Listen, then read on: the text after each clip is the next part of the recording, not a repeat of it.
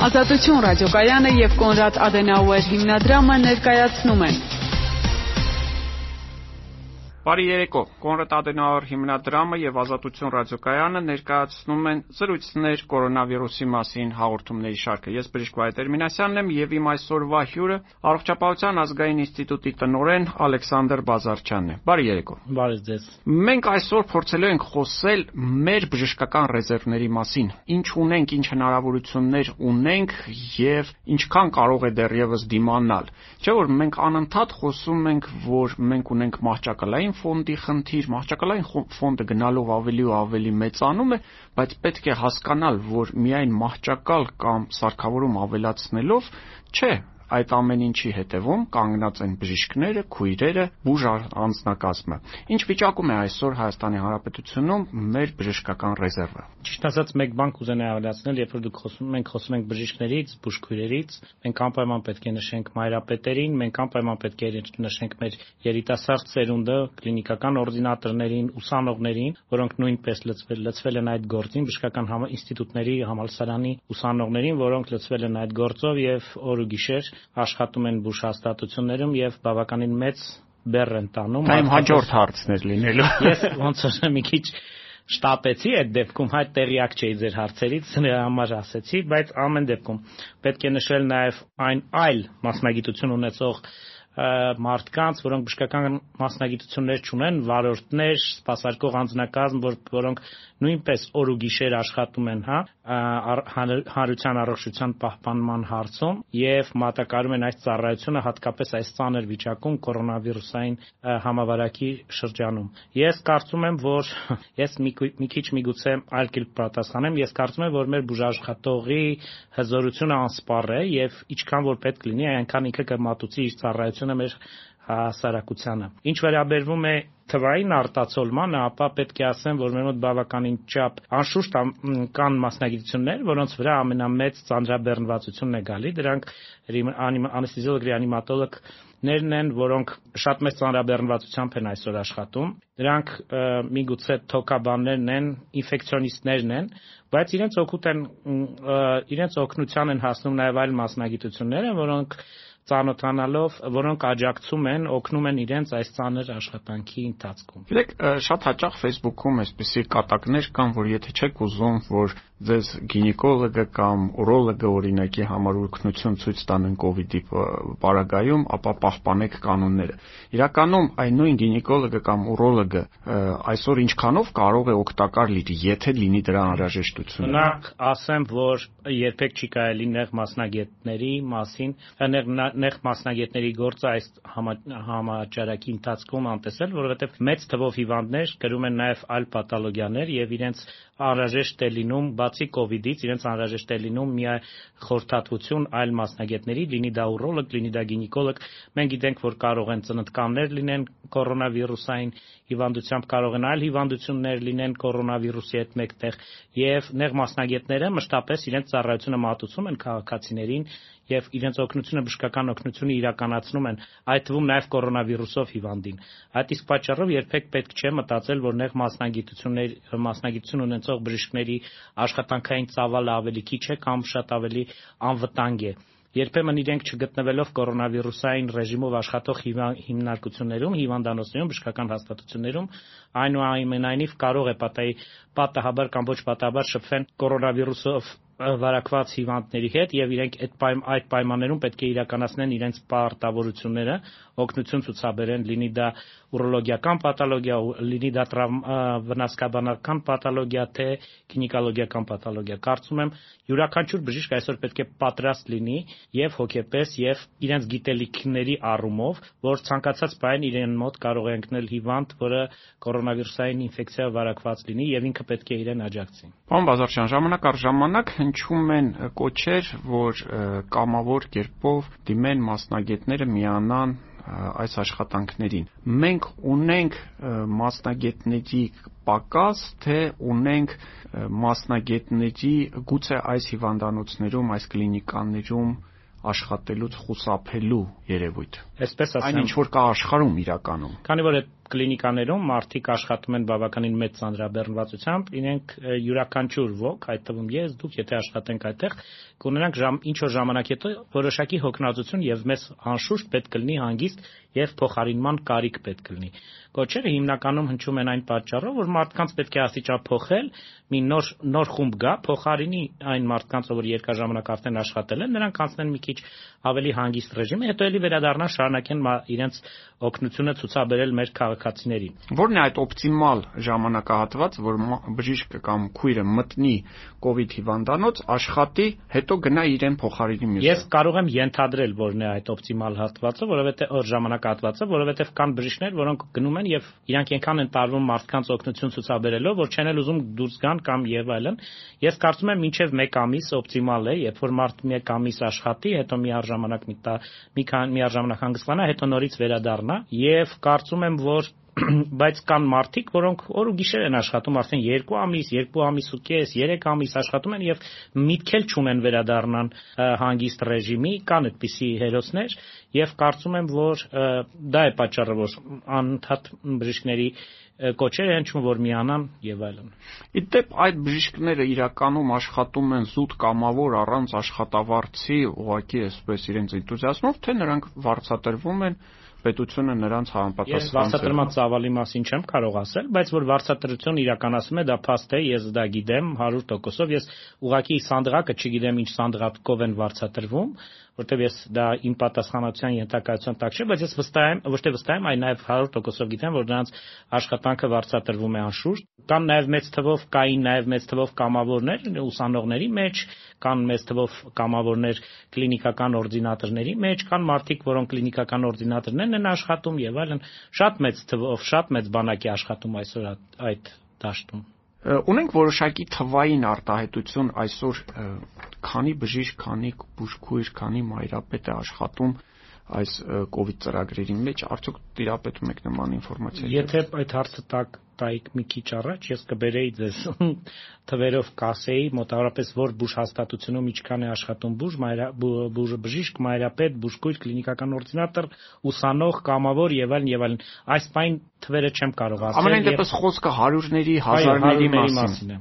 Այդ պարագայում մենք գիտենք, որ այսօր Ֆրանսիայից, Լիտվայից կա նաև նախատեսված է Ռուսաստանից բժիշկներ են գալու։ Ես ուզում եմ հասկանալ, մենք ունենք այդ բժիշկների կարիքը, այսինքն բնականաբար չեն գալու հազարավոր բժիշկներ, այսինքն գալու են մի քանի հոգանոց խմբեր։ Մենք ունենք այդ բժիշկների կարիքը, դե սա ավելի շատ բարի կամքի դրսևորում է։ Ես մի բան պետք է ասեմ, որ չեմ կասկածում մեր բժիշկների կարողությունների մեջ եւ կարծում եմ, որ մեր բժիշկները կարող են միայնակ ցանկացած դժվարության դեմ դիմակայեն։ Ես կարծում շատ ավելի բարի կամքի դրսևորում է կարծում եմ ավելի շատ գիտելիքի փոխանակման գիտելիքի փոխանակման հետ կապված խնդիր է լուծելու քան այսենք չի հերիքում մեր մասնագիտական մարդկային ներուժի կարողությունները չէ ես կողմնակից եմ մտա ես համոզված եմ որ մեր մարդկային ներուժի կարողությունը բավականին բարձր է ես բարձր եմ գնահատում մեր մարդկային ներուժի կարողությունը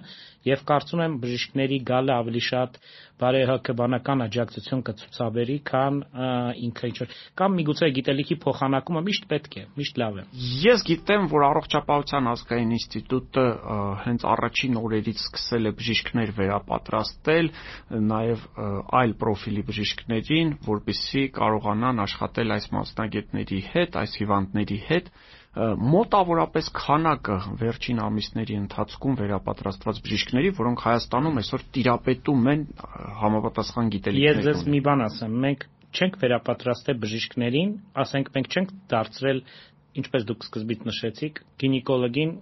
ինֆեկցիոնիստ, այդպիսի բան չկա։ Մենք իրեն ծանոթացրել ենք եւ իրեն այն գիտելիքներն ենք տվել կ ូវ իդի մասին, որ նա ինչ ինչ պայմաններում անհրաժեշտության դեպքում կարողանա միջին եւ որոշակի ծանրության հիվանդին կարողանա ինչ որ հիմնական բժշկի ռեանիմատոլոգի կամ ինֆեկցիոնիստի հետ միասին աջակցություն ցուցաբերի հետևի իր առողջությանը, եթե դրա անհրաժեշտությունը լինի։ Եթե դա եղել են ոչ թերապևտիկ պրոֆիլի մասնագետներ, եթե դա եղել են այլ պրոֆիլի մասնագետներ, դա ուղղակի եղել է ինտենսիվ տրեյնինգ կ ូវ իդի վերաբերյալ, ինչպես նաև եղել է ինտենսիվ տրեյնինգ կոവിഡ് անվտանգության վերաբերյալ, հա, ինչպես հակնվել, ինչպես հա, ինչպես հանել բժշկական հանդերձանքը, ինչ անվտանգության նորմեր պետք է լինեն բուժ հաստատությունում եւ այլն եւ այլն։ Բացի դրանից վերապատրաստվել են մեծ թվով այն մարդիկ, որոնք ծանոթացել են այդ պահին որովհետև շատ արագ է փոփոխվում ամեն ինչ եւ բուժման սխեման է կարող է փոխվել շատ արագ եւ որովհետև մենք մենք հիմա շփվում ենք բացառապես բացառապես նոր վիրուսի հետ եւ օրորի շատ օրորի շատ արագ-արագ փոխվում են եւ սխեմաները եւ մոտեցումները մենք այն պահին ծանոթացրել ենք այն բուժման սխեմաների այն բուժման մեթոդների այն դեղորայքի հետ որոնք կիրառվում են ժամանակակից աշխարհում որ բժիշկները պատրաստ լինեն կարողանան նշանակումները ճիշտ անեն, ծանոթացրել ենք այն գործիքներին, այն այն դարաններին, որտեղից կարող են ծանոթանալ նորությունների հետ, իդի հետ կապված նորություններին, հետևեն ժամանակակից աշխարհում տեղի ունեցածին կապված բուժման հետ եւ այլն եւ այլն։ Մոտավորապես քանի բժիշկ։ Հազարից ավել բուժ աշխատող։ Հազարից ավել։ Ես չէի ուզենա հիմա թվերը ասել, եթե կա, ես ուղղակի վախում եմ սխալվեմ զուտ դրա համար, թվերին ես մենք անշուշտ տվյալների բազա ունենք, որում ներգրա որում գրանցված են բոլոր ով որ վերապատրաստվել է, որում վերապատրաստումները տարբեր եղանակներով են իրականացվել, ինչպես տեղում, օրինակ մի շարք բուժհաստատություններում լիներ դա Սպիտակը, երեք այս վերջերս Դիլիջանում ենք եղել, եղել ենք Մարտունում, եղել ենք Իջևանում, տարբեր տեղեր ենք եղել բայց նաև այն դասընթացները, որոնք շատ կիրառական էին, շատ կարևոր էին եւ կիրառական գիտելիքներ պետք է ձեռք բերեին, ասենք նմուշառում լինի կամ այլ մեթոդներ, դա տեղում են իրականացվել։ Բայց նաև արցանց ենք իրականացրել մեծ թվով դասընթացներ։ Մենք գրեթե ամեն օր է մեր մոտ եղել դասընթաց, դուք յուրաքանչյուրը կարող է հետևել եւ մենք այդ դասընթացները անգամ ձայնագրել ենք։ Մենք ունեցել ենք շաբաթական 3-4 օր զբաղված եղել դասընթացով առավոտվա 10-ից մինչև երեկո մինչև ժամը 5-ը 6-ը ընդ որում մենք նաև երեկոյան շատ մեծ թվով վեբինարներ ենք իրականացրել մեր սփյուռքահար գործընկերների հետ ամիկ կազմակերպության սփյուռքի հանձնակատարի գրասենյակի հետ համագործակցությամբ իրականացրել ենք մեծ թվով վեբինարներ որոնք ուղղված են եղել եւ միջնակ միջին բուժանձնակազմին եւ բժիշկներին այսպիսով մոտ 20 վեբինար ենք իրականացրել, որին մասնակցել են, իդեպ ասեմ, դե երբեմն հարյուրավոր մասնագետներ, բուժաշխատողներ։ Պարոն Վազարչյան, միշտ նշվում էր, որ Հայաստանը ունի բժիշկների շատ մեծ քանակ, այսինքն բնակչության թվի համեմատ հատկապես նախկին ԽՍՀՄ երկրների միջին հաշվարկների հետ համեմատելիս Հայաստանն ունի մեծ քանակությամբ բժիշկներ։ Մոտավորապես քանի բժիշկ կա այսօր Հայաստան, որովհետև շատերին հետաքրքրում է այդ հարցը։ Կարող եմ ասեմ ինչքան բժիշկ կա։ Նայեք, մենք ունենք շուրջ 9000, եթե չեմ սխալվում, 9000-ից մի փոքր ավել բժշկականություն սպասարկող իրականացնող բժշկակը բարձրագույն կրթության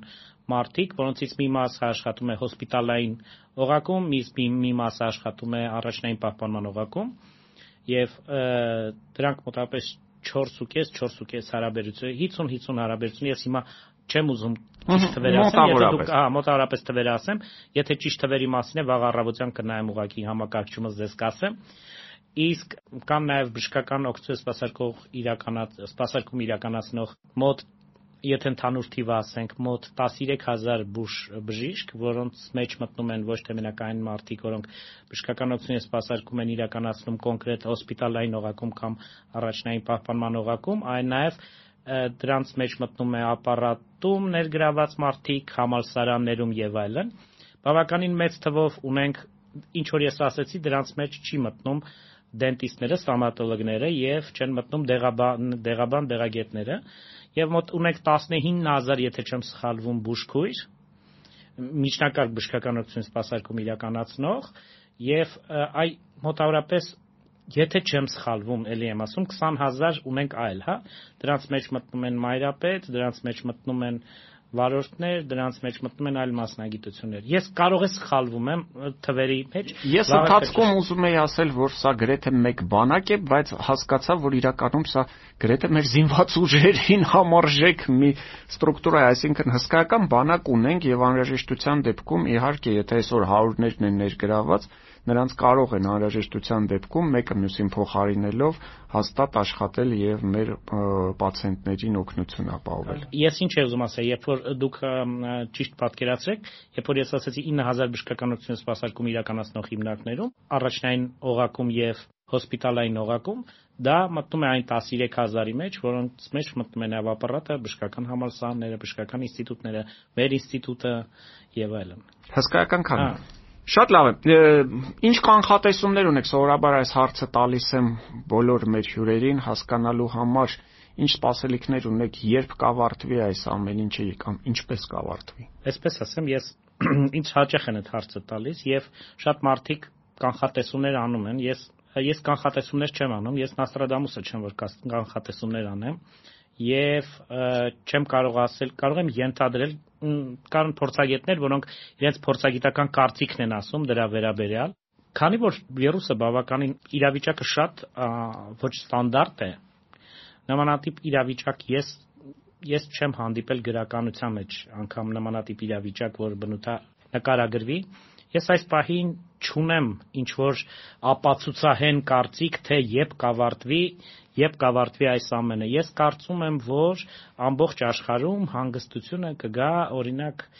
հաջորդ տարի մոտավորապես ապրիլ ամսվան։ Մեր բժիշկներից, մեր գործընկերներից Բայց դա փորձագիտական կարծիք էլ չէ։ Դա ուղղակի իմ ես ինձ այդպես թվում է, բայց դա փորձագիտական կարծիք էլ չէի անում։ Ես կուզենայի, ես կուզեի, որ այդպես ավարտվեր, բայց ես չէի ուզենա, որ դա դիտվեր որպես փորձագիտական կարծիք կամ որտեվ ապացուցային ոչ մի բան չունեմ։ Իդեպ մի բան ասեմ ձեզ, Չերչիլը ասում էր, որ քաղաքական գործիչի, ես կասեի այս դեպքում նաև երևի համաճարակաբանի կամ առողջապահության կազմակերպիչին էլ դա բնորոշ, նա պետք է կանխատեսումներ անի, իսկ հետո եթե այդ կանխատեսումները չի կատարվում, նա պետք է բացատրի ինչի այդ կանխատեսումները չկատարվեցին։